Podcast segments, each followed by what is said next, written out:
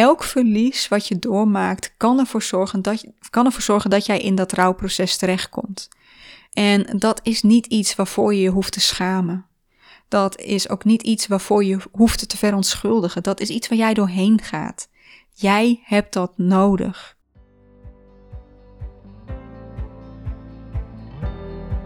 Welkom.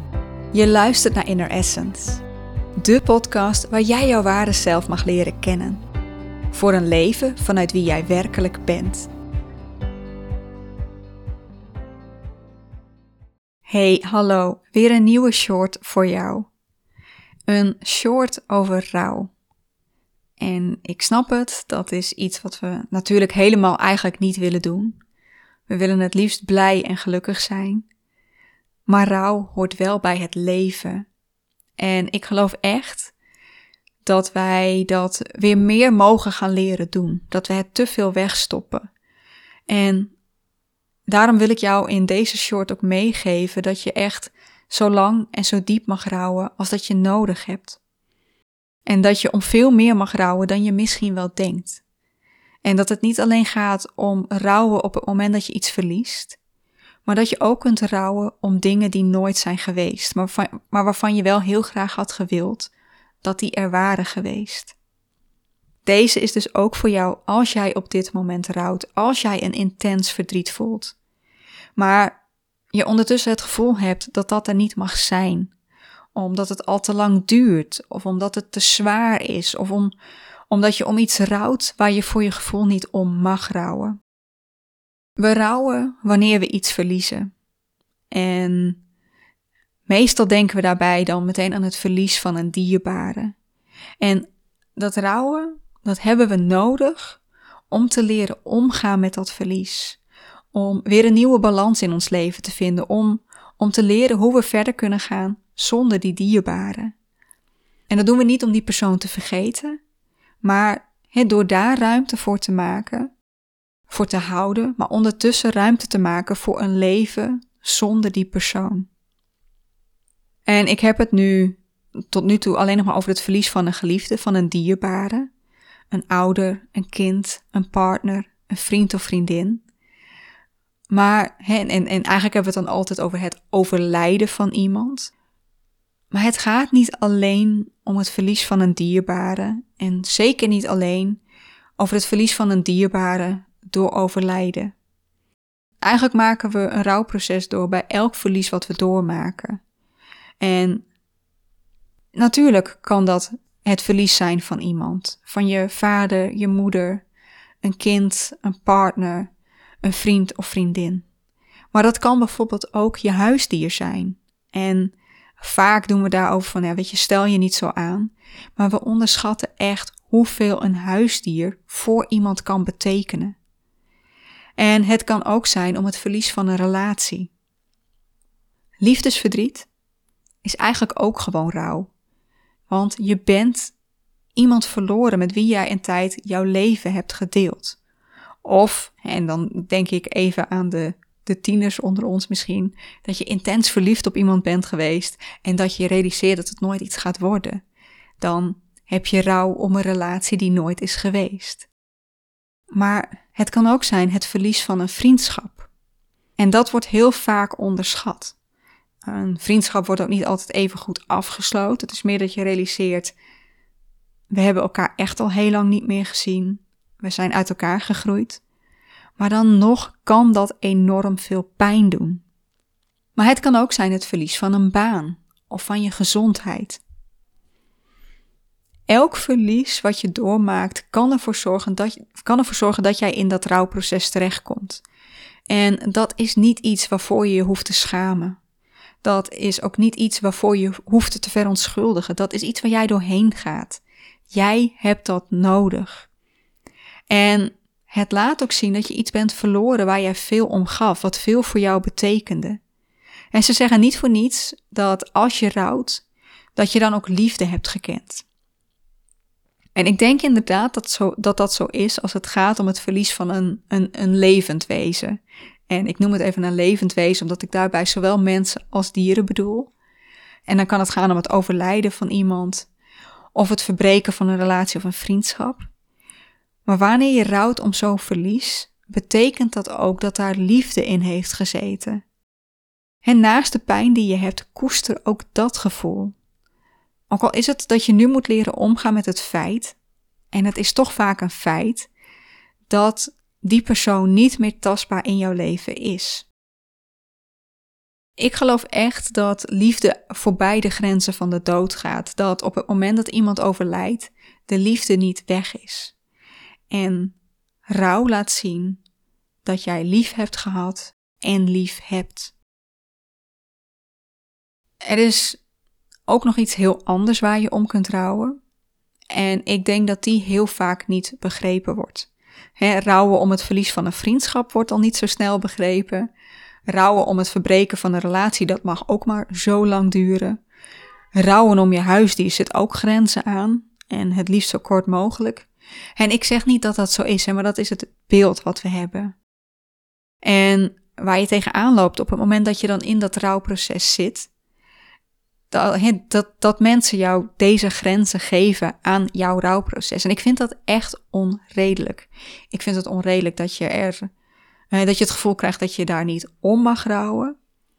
Maar ook dat daar bijvoorbeeld een, een tijdslimiet aan zou zitten. Maar er is dus ook nog iets anders. En dat is rouw om het verlies van iets wat nooit is geweest. En dat klinkt misschien heel cryptisch, maar ik ga het uitleggen met een aantal voorbeelden.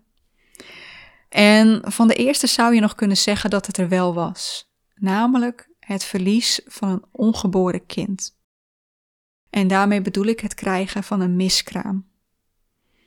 Ik kan hier niet uit eigen ervaring spreken. Ik ben namelijk nooit zwanger geweest, niet dat ik weet in ieder geval. Maar wat ik wel ervaar is hoe weinig ruimte we daaraan geven. De kans op een miskraam is best groot. En daarom willen we vaak ook in de eerste drie maanden bijna niemand vertellen dat we zwanger zijn. Tenminste, dat is het, het advies wat we krijgen, want oeh, het zou fout kunnen gaan. En het is alsof je dan, heel eerlijk, hoe het nu voor mij voelt, is alsof je dan je omgeving moet beschermen voor de pijn die jij gaat voelen, mocht het misgaan. Maar door het niet te vertellen, houden we ons dus ook stil op het moment dat het wel gebeurt. Ongeboren kinderen krijgen vaak niet de ruimte om er te zijn.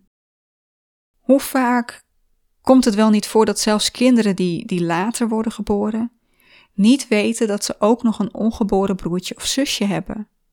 Omdat we ergens vinden dat we hier niet of niet te lang verdrietig over mogen zijn. Maar het was toch een leven. Een leven waar je jezelf ook in die eerste periode al sterk mee verbonden voelde. En het is dan echt een verlies waar je doorheen gaat. En waar je de ruimte voor mag nemen om dat te verwerken, om daarom te rouwen. En ik denk dat we daar, um, dat we daar in, naar de buitenwereld ook opener over mogen zijn. Zeker als we graag die steun zouden willen. Een verlies wat denk ik ook heel vaak onderschat wordt, is het verlies van het idee van kinderen krijgen. Er zijn heel veel mensen die heel graag vader of moeder willen worden, maar voor wie dat niet mogelijk is. En ik realiseer me best wel dat dit benoemen heel triggerend kan zijn. als je dit hebt meegemaakt, als je hier doorheen gaat, geldt eigenlijk voor elk verlies wat ik hier heb genoemd tot nu toe.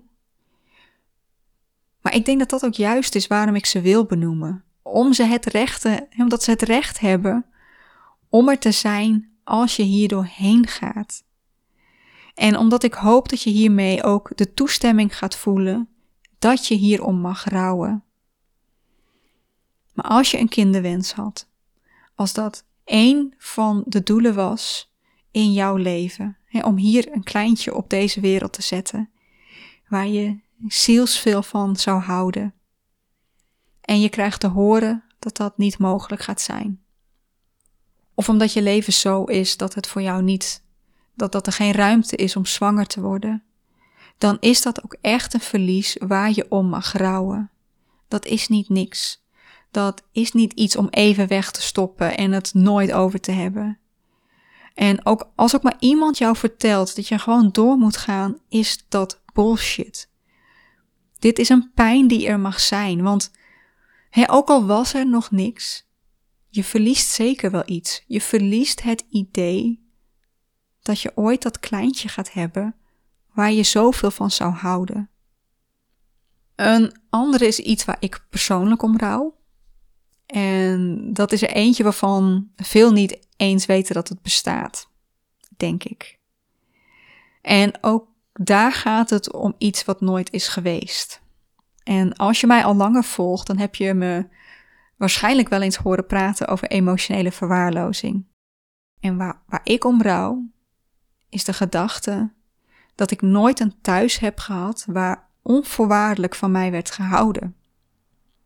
Waar ik ouders had die voor mij klaar stonden, die er waren als ik ze nodig had, die mij steunden als ik ergens mee zat. En de reden dat die vaak niet begrepen wordt, is omdat ik alles leek te hebben. En dat geldt niet alleen voor mij, dit geldt ook voor andere mensen die dit herkennen. er was een dak boven mijn hoofd. Er was eten op tafel. Ik had kleding om aan te trekken. Ik kon naar school. Er was speelgoed. Maar ik had niet het gevoel dat ik er volledig mag zijn, mocht zijn. Dat mijn ouders echt zielsveel van mij hielden. Dat ik, dat ik een intense band met ze had. En ik merk dat ik het heel moeilijk vind om te omschrijven. Omdat ik iets probeer te omschrijven wat er niet was. Maar ik, ik voel echt, en, en het is meestal bij vlagen, het is niet iets wat continu aanwezig is, maar wat, wat af en toe langskomt. Maar ik voel dan echt een intens verdriet op het moment dat ik me realiseer dat dat er niet voor mij was, dat ik dat nooit heb gekend. De reden dat ik deze noem is ook omdat ik weet dat ik daarin niet de enige ben. Dat we dat we, en, en vaak vinden we dat we ons niet aan moeten stellen, want we hadden alles toch. En als je dit aan iemand anders probeert uit te leggen, snappen ze het ook niet, omdat in hun ogen je alles had. Maar die emotionele connectie die er niet was, die is echt zo belangrijk. En daar mag je je echt verdrietig over voelen. Daar mag je echt kwaad over zijn als je die niet zo hebt gevoeld, als die er voor jouw gevoel niet was. Ja, als het gaat om rouw, op wat voor manier, op wat voor manier dat ook maar in jouw leven speelt, wat het ook maar is waar jij om rouwt, het kan zijn dat jij voor jouw gevoel niet begrepen wordt. Dat je misschien zelfs wel hoort dat je er nu wel eens overheen moet zijn, dat je je niet zo aan moet stellen. Maar lieverd, er zit geen eindtijd aan rouw. En er is ook geen zo diep mag je rouwen. Um, en dat, dat, dat, dat, dat, dat, je niet, dat je het niet zo intens mag ervaren als dat jij het ervaart. Hoe jij het ervaart, is hoe het op dit moment voor jou is. En dat kan zo diep en zo lang zijn als het is. En het kan een tijd lang enorm intens en constant zijn. Het kan ook met vlagen komen. En natuurlijk kun je op een gegeven moment verder. Heb je er ruimte voor kunnen maken? Ik denk niet dat het rouwproces ooit helemaal stopt, maar het kan er, het kan er tegelijkertijd zijn.